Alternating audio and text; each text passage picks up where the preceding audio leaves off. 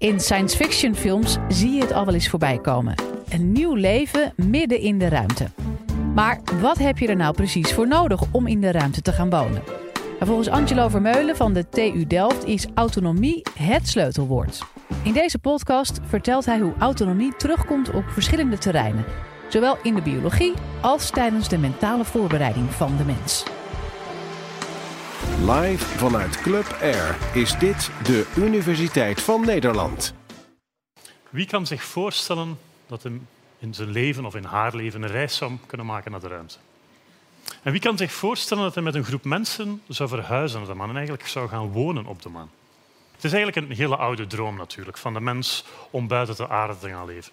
Maar de vraag is natuurlijk, je gaat dan uit het comfort van de aarde en hoe ga je dan zo'n leven concreet gaan uitbouwen?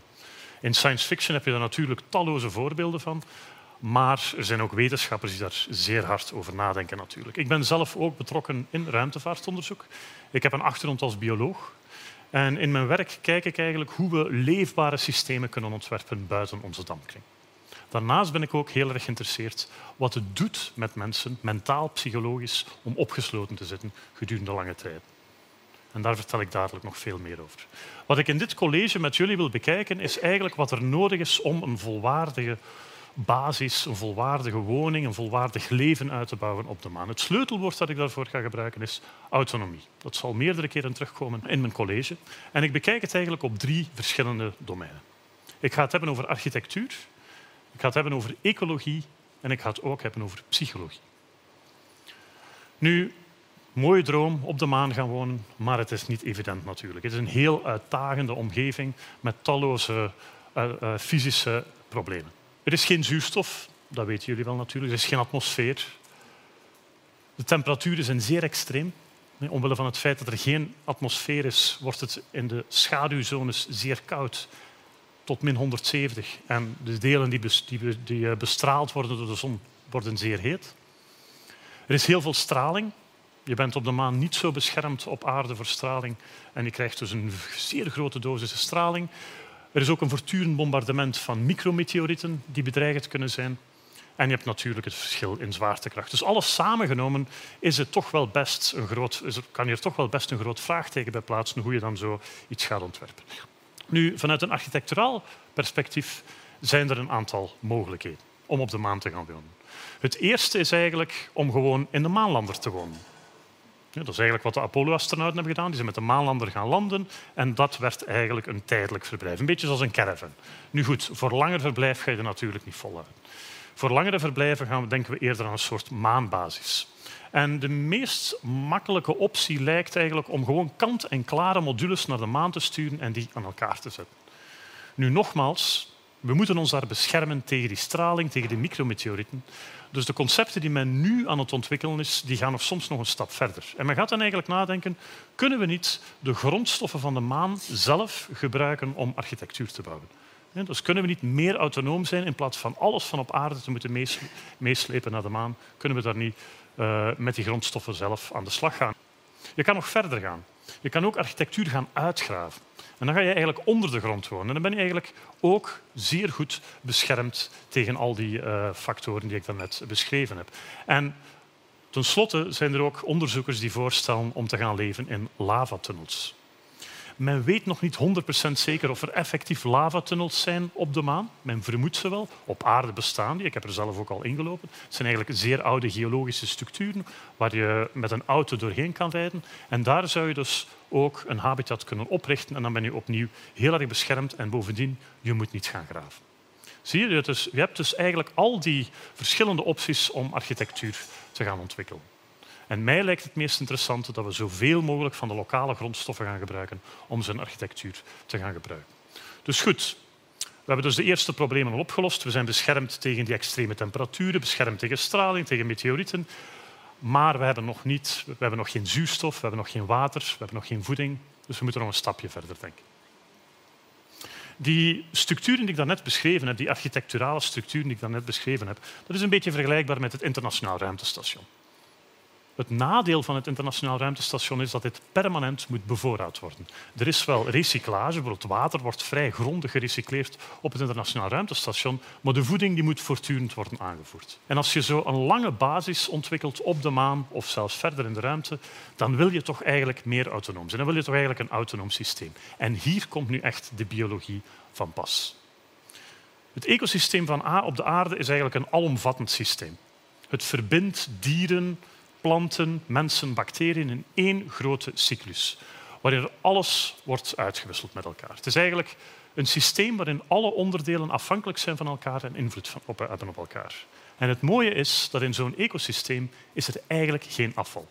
Want afval van het ene organisme is eigenlijk een voedingsbron voor het andere organisme.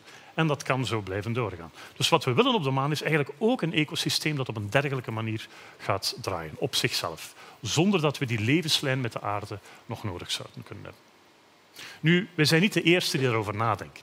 En een mooi voorbeeld van een, een, eigenlijk een zeer oud voorbeeld van iemand die er al heel lang geleden over aan het nadenken was, komt van Konstantin Tsiolkovsky. Dat is eigenlijk de Russische grootvader van de ruimtevaart. Dat is ook de man die de raketvergelijking heeft uh, ontdekt of uitgevonden. Dat is eigenlijk een wiskundige vergelijking die nog steeds gebruikt wordt. En in zijn aantekeningboeken, die uit de 19e eeuw stammen, vinden we schetsen van raketten waarin ook ecosystemen zitten om de astronauten in die raketten in leven te houden. Dus je ziet, men was er eigenlijk al heel vroeg over aan het nadenken. Nu, in Rusland heeft men een zeer mooie traditie met, die, met, het zoeken naar een antwoord om dat ecosysteem te maken. En een mooi voorbeeld is het BIOS-project. In het BIOS-project heeft men eigenlijk, dat is eigenlijk ontstaan in de jaren 60, werden, werden uh, wetenschappers geïnteresseerd. Kunnen we effectief mensen en planten in één verzegelde op, ruimte opsluiten en kijken of ze met elkaar zuurstof en CO2 kunnen uitwisselen? Dat is uiteindelijk groter geworden. Dan heeft men het BIOS 3-complex gebouwd. Dat is een ondergrondse stalen doos, volledig geïsoleerd. Iets van een 300 kubieke meter, waarin verschillende compartimenten zitten waarin men planten en algen kweekten en dan drie personen kon opsluiten. En zo kon men eigenlijk zuurstof voorzien, louter door de planten, voor die mensen die in die structuur leefden. En een deel van het voedsel werd ook voorzien door, uh, door die planten. De langste missie die er gedraaid heeft, is iets van een 180 dagen. Heel mooi, heel mooi project dat eigenlijk aan de grondslag ligt van veel uh, later onderzoek. Nu, de Amerikanen hebben daar ook rondgewerkt. En een heel bekend voorbeeld hier is het Biosphere 2-project. Sommigen onder jullie kennen dat vast. Dat is het komt uit de jaren 90. Een enorm groot project, echt op zijn Amerikaans, een enorme schaal. Het is eigenlijk een, ehm, een soort combinatie van vijf miniatuur-ecosystemen die allemaal in glazen kasten zitten, die verbonden zijn met elkaar, een landbouwgebied en een woongebied. En dit allemaal in een gigantische, verzegelde, gesloten ruimte. 12.700 vierkante meter oppervlakte. Dus echt wel heel groot. 3000 soorten planten en dieren en 80 gewassen, allemaal opgesloten volledig afgesloten van de buitenwereld. Men heeft daar twee isolatiemissies in gedraaid. De eerste missie heeft men acht mensen gedurende twee jaar opgesloten daarin. Mochten absoluut niet naar buiten. En de tweede missie heeft korter geduurd, was met zeven mensen, heeft zes maanden geduurd. Prachtig experiment, heel spectaculair. Uh, net zoals BIOS 3 in Rusland heeft het aangetoond dat de mens effectief in een gesloten systeem kan overleven. Maar er zijn ook heel wat problemen geweest met Biosphere 2. Daar bestaan boeken over, er bestaan dramatische verhalen over. Heel interessant om na te gaan wat er precies gebeurd is. Een van de zaken die gebeurde was dat de zuurstofniveaus omlaag begonnen gaan. Omdat de bacteriën in de grond veel meer zuurstof verbruiken dan men gedacht had. Um, heel veel diersoorten stierven uit. Vooral de, de, de bestuivende insecten stierven uit bijvoorbeeld. Uh, er braken plagen uit. Mieren en kakkerlakken begonnen gewoon heel het ecosysteem over te nemen.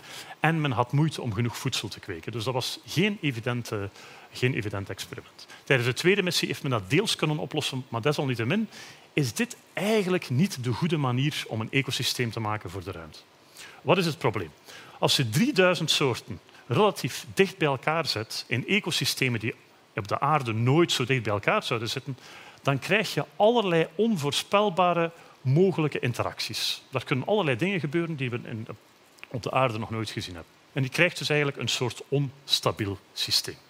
Dit lijkt dus niet een goed idee voor de toekomst van de mens in de ruimte met die biologie. Nu is er een andere aanpak mogelijk. En die wordt, wat, die wordt vertegenwoordigd door het Melissa-project van, de Europese ruimtevaart, van het Europese ruimtevaartagentschap ESA.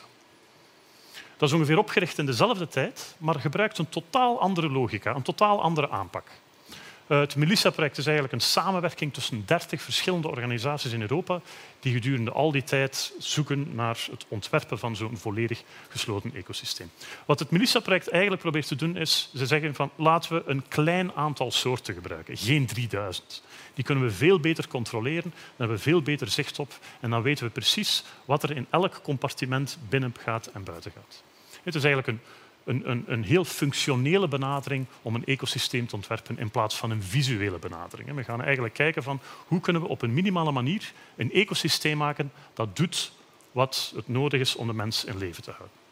En het ziet er dan ook eigenlijk eerder uit als een laboratorium dan als een, een mooie groene kas.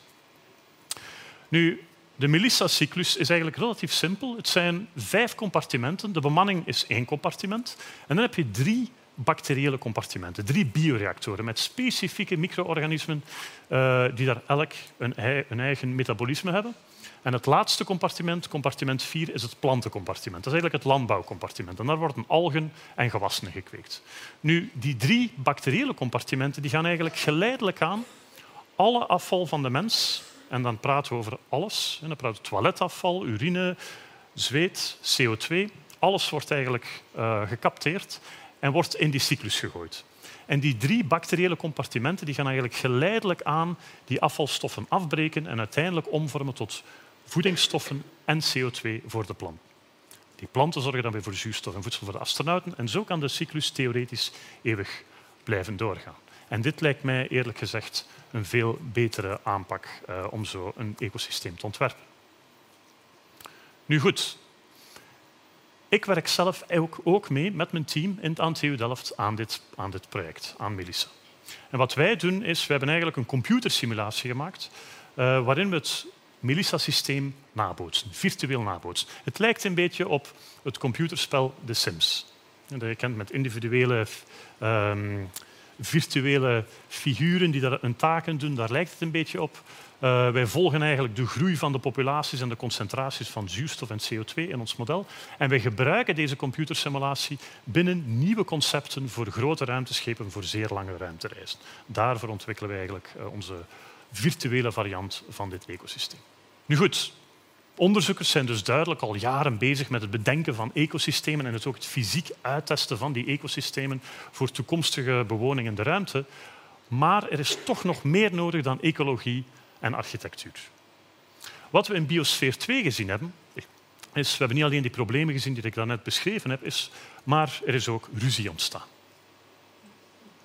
De groep van acht mensen is in twee kleine groepen uit elkaar gevallen. Dat had vooral te maken met het feit dat er te weinig voedsel was, dat het zuurstof omlaag ging en dat er discussies ontstonden of men eigenlijk moest herbevoorraden en dus die verzegeling moest doorbreken, of dat men het experiment ten koste, wat het kost toch moest verder zetten. En die conflicten zijn ook zeer bekend geworden. Um, en dat toont aan dat je, als je zo'n omgeving creëert voor mensen om in de ruimte te gaan wonen, dat je daar ook aan moet gaan, over gaan nadenken. Dat je moet gaan nadenken over het mentaal welzijn van je astronaut. Zelf heb ik, ben ik ook opgesloten geweest. Ik heb mezelf laten opsluiten. Ik heb deelgenomen aan een isolatiemissie die opgezet is door NASA een aantal jaar geleden. Dat is het HI-SEAS-programma.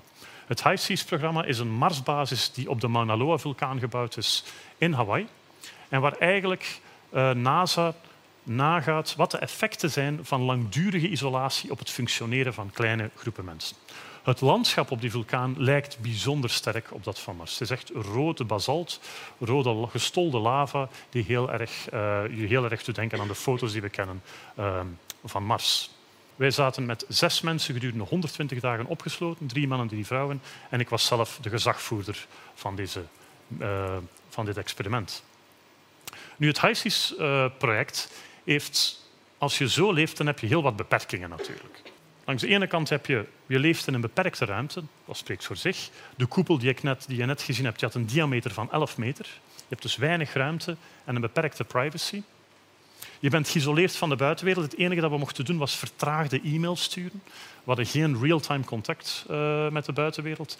En natuurlijk heb je, word je beperkt in je voorraad. Je hebt een beperkte voedselvoorraad, beperkte watervoorraad, dus je moet echt over alles heel goed nadenken. Langs de andere kant zijn er natuurlijk ook allerlei psychologische uitdagingen waaraan je wordt blootgesteld. Het gevoel van voortdurend opgesloten te zijn gaat na verloop van tijd toch wel een beetje wegen. Uh, je tijdsbesef geraakt helemaal in de war. Weken beginnen op elkaar te lijken. Verveling kan een probleem zijn voor sommigen. De slaapkwaliteit gaat achteruit. De samenhang van de crew moet je eigenlijk continu bewaren, want die groep kan eigenlijk elk moment uit elkaar vallen. Het verhaal dat ik verteld heb van Biosphere 2. En er ontstaan heel makkelijk spanningen met mission support. Mission support is een beetje zoals Houston. Als je zo'n missie doet, dan ben je niet helemaal op jezelf aangewezen. Je hebt eigenlijk mensen buiten die missie met wie je voortdurend in contact bent, met die vertraagde e-mail, en die je bijstaan. Maar zoals iedereen steeds in het dagelijks leven ervaren heeft, via e-mail ontstaan er wel eens misverstanden. En in het dagdagelijks leven ga je dan op, ofwel face-to-face een gesprek aan, of je neemt de telefoon, het probleem is opgelost. Dat kan je in deze omstandigheden niet. En dat hebben wij ook zelf ervaren. Meer zelfs, ik heb eigenlijk ook een uh, psychologisch onderzoek gedaan uh, tijdens deze Mars-simulatie. Dit onderzoek was opgezet door Sophie Goemade van de Universiteit van Gent en ik heb eraan meegewerkt. En we zijn gaan kijken naar autonomie en de rol van autonomie tijdens zo'n missie. De, onze, onze crewleden moesten eigenlijk wekelijks een vragenlijst invullen. En in die vragenlijst moesten zij allerlei dingen beantwoorden die een indicatie gaven langs de ene kant van hun gevoel van autonomie dat ze hadden, een graad van gemotiveerdheid, hoe gemotiveerd ze waren, en hoe de samenwerking met Mission Control verliep. Elke week opnieuw invullen. En de resultaten waren zeer interessant. Wat we eerst konden zien was dat dat gevoel van autonomie, motivatie en die, hoe goed die samenwerking uh, vlot, dat dat zeer erg varieerde van week tot week. Er zat niet echt een vast patroon in, maar dat wisselde van week tot week. Maar wat zeer mooi was, was om te zien dat het gevoel van autonomie heel erg samenliep met de graad van gemotiveerdheid en met hoe goed er kon samengewerkt worden met mission support. Dus autonomie heeft echt een gunstige, lijkt wel een gunstige factor te zijn om, zo'n groep mensen echt goed functioneel te houden. En er was nog een bijkomende observatie, dat is dat het gevoel van autonomie binnen de groep mensen die opgesloten werden eigenlijk sterker werd naarmate ze het gevoel hadden dat mission support hen ook uh, hielp in hun communicatie met die autonomie te ondersteunen. Dat is heel anders dan wat we vandaag gewend zijn. Vandaag zijn we eigenlijk een cultuur gewend waarin astronauten heel erg gecontroleerd worden en voortdurend um, instructies krijgen. En zo zien we dus dat die autonomie eigenlijk al op drie verschillende manieren is teruggekomen. Ik heb het gehad over de rol van autonomie in architectuur, lokale grondstoffengebruik. Ik heb het gehad over ecosystemen die we moeten ontwikkelen in de ruimte om een autonoom leven te kunnen uitbouwen. En blijkbaar is in de psychologie autonomie ook belangrijk. Om terug te keren naar de basisvraag, hoe overleef je op de maan? Wel, ik denk dat het duidelijk is dat ruimtevaart meer is dan het ontwikkelen van raketten en het lanceren van raketten. We moeten ook kijken naar zaken zoals architectuur, ecologie, psychologie, met dan aandacht voor de cruciale rol van autonomie. Het is precies door het verder onderzoeken van al deze aspecten en door het ontwikkelen van een meer holistisch perspectief op onze toekomst in de ruimte dat we een duurzame en inspirerende toekomst op de maan zullen kunnen maken. Dank u wel. Heeft deze podcast je nou geprikkeld om meer te weten te komen over de wetenschappelijke wereld? Maak je borst dan maar nat, want de Universiteit van Nederland komt met een nieuwe podcast genaamd Lableven. Deze zomer reizen we door heel het land om 14 unieke laboratoria van 14 verschillende universiteiten te bezoeken. Iedere woensdag hoor je de ins en outs van wat er speelt in het lab. Maar ook wie de wetenschapper achter het onderzoek is. Want wetenschappers zijn tenslotte ook maar gewoon mensen. We luisteren nu onze nieuwe podcast Lableven.